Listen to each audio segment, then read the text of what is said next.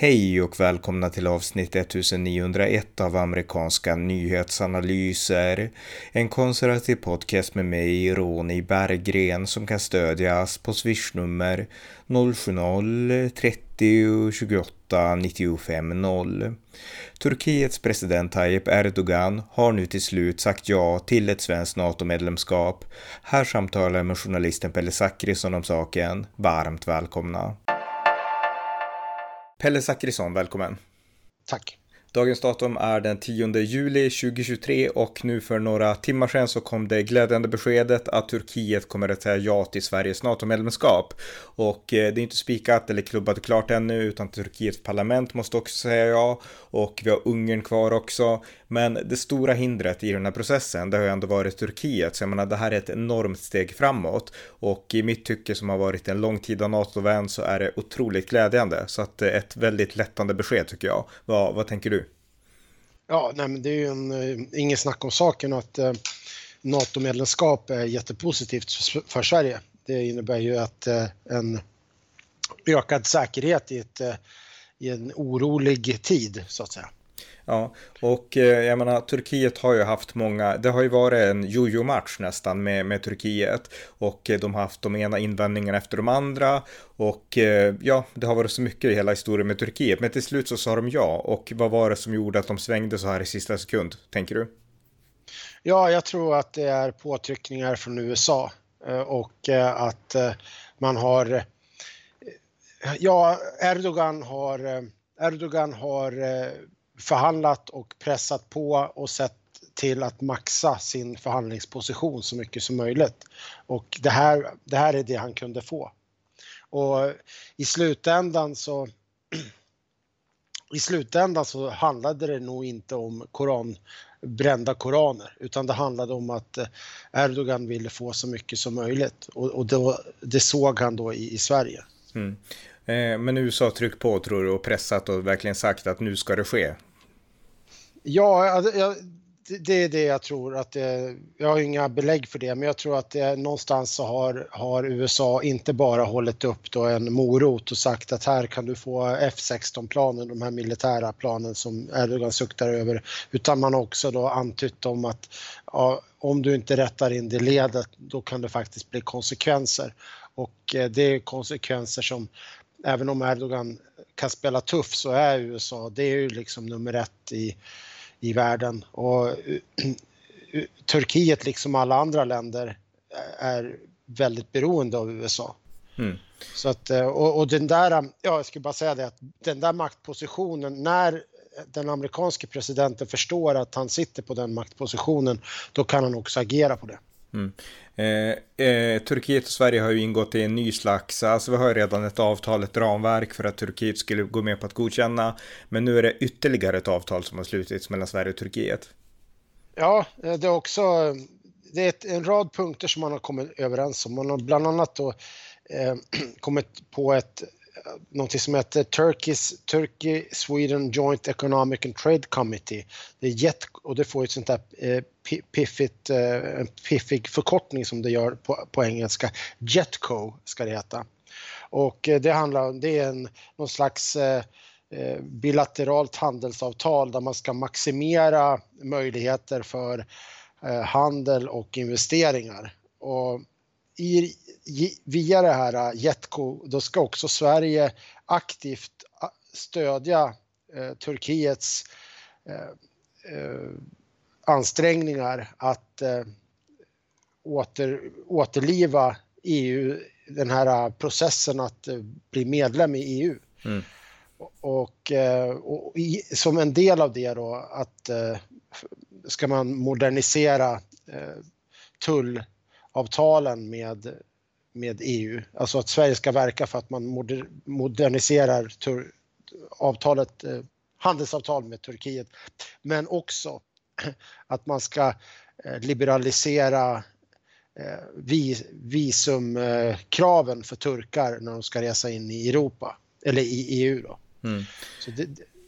Ja, ja. Eh, ja, jag tycker att synd och jag hoppas att, eh, jag vill inte ta det här för långt nu med min Turkiet-kritik, men, men, men däremot så, eh, Turkiet passar inte EU, det, det är ett faktum och, eh, och sådär. Men Sverige bör ja, gå en balansgång här. Det man, kan mm. säga, det, det man kan säga där, det är ju att så länge Grekland är så länge Grekland är med i EU och de kommer alltid vara med i EU och så länge länder har rätt att eh, Eh, liksom neka andra länder att bli medlem. Alltså så, att, så länge ett land inte kan bli överkört så kommer aldrig Turkiet att bli medlem i EU.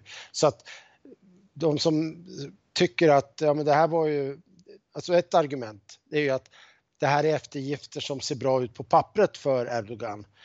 Eh, men de kommer aldrig realiseras för att det finns så stort motstånd inom EU mot Turkiet så att Sverige kan vara för Turkiet utan risk så att säga. Men frågan är, ska du vara för Turkiet även om det inte finns någon risk för konsekvenser? Det är ju det man måste ställa sig. Ska man, liksom, ska man ha ett eh, så att säga oärligt resonemang? Och då är det här ändamålen eh, och, och, och medlen liksom, det mm. som man får resonera kring. Ja, jag skulle säga att eh, ändamålen helgar medlen i det här fallet mm. och i, liksom, i den taktiska liksom, realpolitiken så måste man göra så, men det helgar inte medlen ideologiskt. Men, men det är en annan sak. Men, men jag tycker ändå att eh, det här är intressant för här har vi liksom, eh, ja, ett slags hinder på vägen som blev löst. Men återigen, som jag var inne på tidigare, så det här är ju inte över förrän det turkiska parlamentet också har godkänt. Och eh, vissa menar att det kommer inte kunna ske förrän efter sommaren och att det kanske är liksom, ja, vi vet vet inte exakt när det kommer att ske. Och nu är det ju en ny koranbränning planerad och eh, vem vet vad som kommer att hända de här närmaste veckorna. Jag tror att det kan påverka Turkiet att de ändrar sig?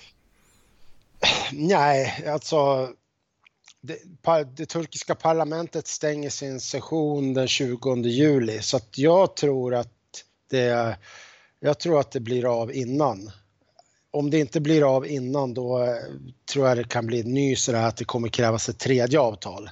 Kanske.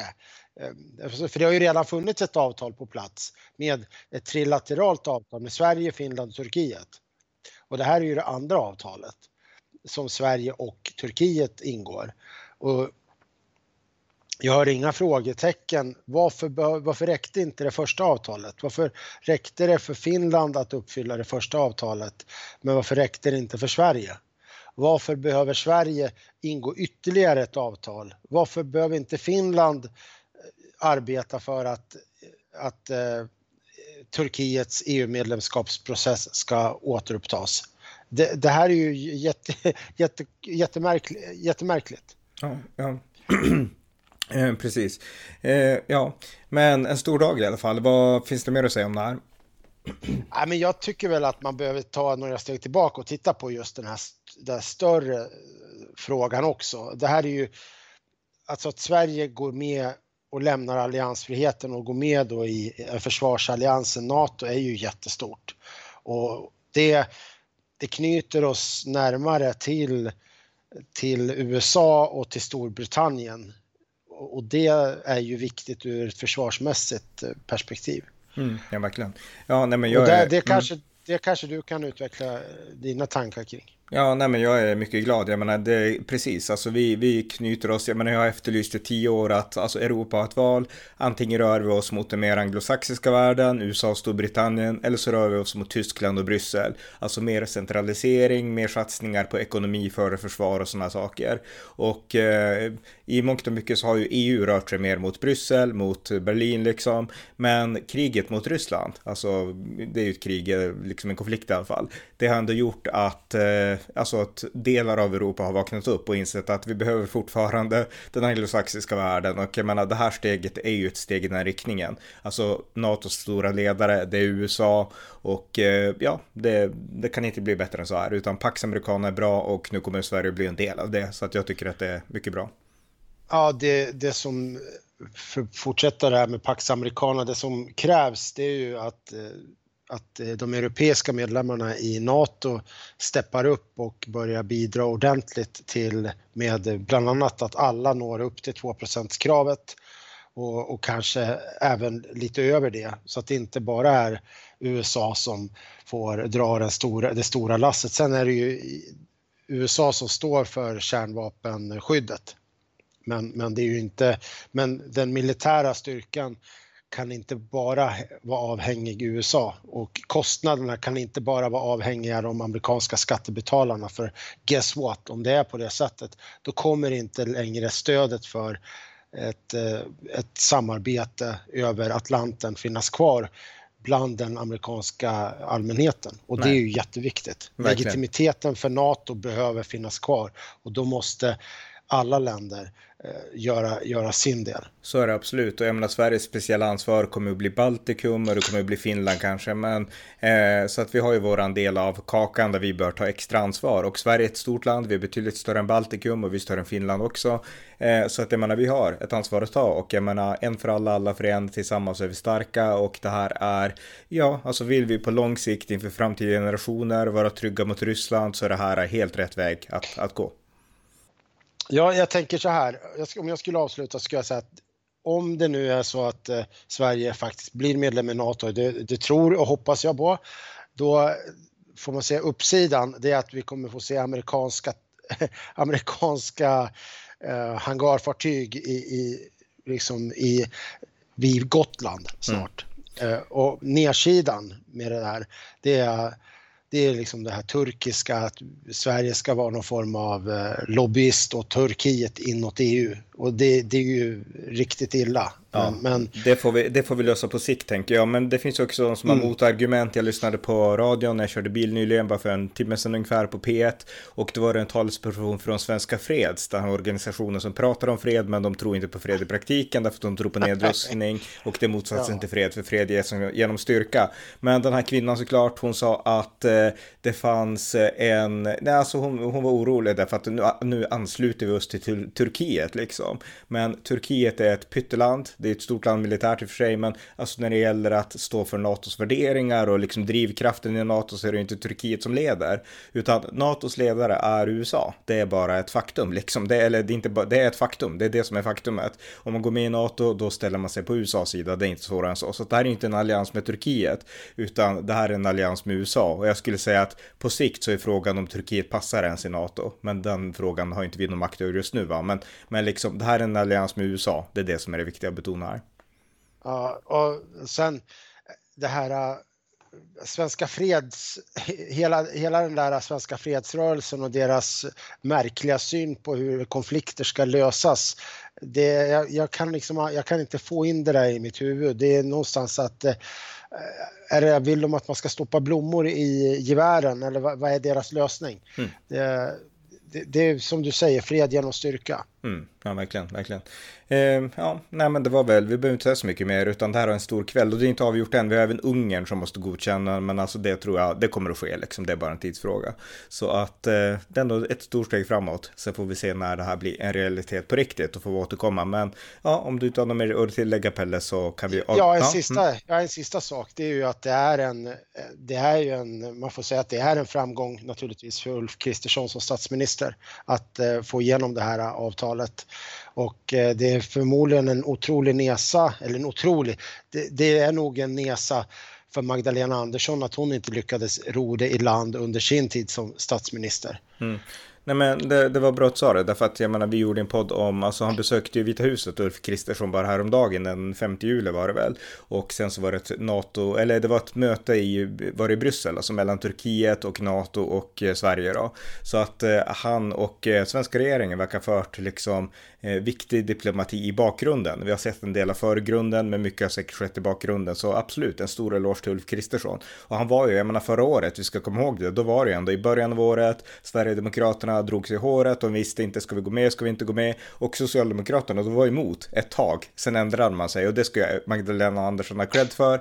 Men det stora konsekventa, liksom seriösa NATO-förespråkaren i Sverige, det är ju trots allt Ulf Kristersson. Så jag menar, han förtjänar det här tycker jag, verkligen. Ja, jag vill, nu när, kom, när vi börjar prata om Socialdemokraterna så är det faktiskt en, en till sak som jag tänkte eh, ta upp som jag höll på att glömma och det är att i det här avtalet med Turkiet då, då så, ut, så säger då, förbinder sig Sverige att man, man, man förstärker, reiterates, att man, man kommer inte ge stöd till YPG slash PYD. Det är ju de här eh, de här kurdiska organisationerna. Mm. Och, och, även då den här Fetö-rörelsen då som är i opposition, eh, en, en muslimsk eh, ja, oppositionsrörelse som försökte störta eh, Erdogan i, i mitten av 2010-talet. Men YPG och PYD ska man inte få stöd av från Sverige. Sverige ska inte stödja YPG och PYD.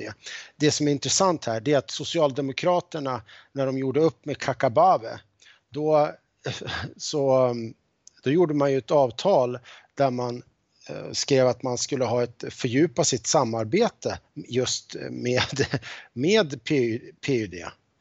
Och då är ju frågan, jag, jag frågade det på Twitter, eh, kommer, hur, kom, hur blir det nu då med, eh, med samarbete med PUD?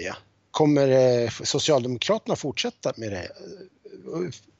Och, alltså, kommer de fortsätta med det parallellt vid sidan om eller kommer man att avbryta det när, liksom när man från så att säga från svenskt, från regeringshåll säger att man inte ska ha något samarbete eller stötta PYD. Ja, jag skulle tro att man inte bryr sig längre om det, därför att nu är inte det viktigt. Så att, ja. Nej, men, man, men det vore ju intressant att höra mm. hur man från Socialdemokraternas, socialdemokratiskt håll resonerar i frågan. Det är bara en liten bi, bisak här, men, mm. men jag, det slog mig när jag såg att PYD liksom mm.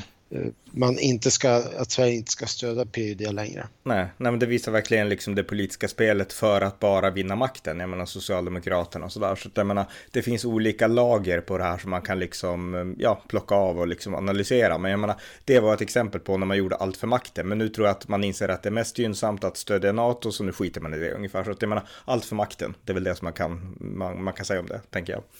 Eh, ja. Eh, ja, nej men då, då sätter vi punkt. Så att tack så mycket Pelle. Tack. Tack för att ni har lyssnat på amerikanska nyhetsanalyser.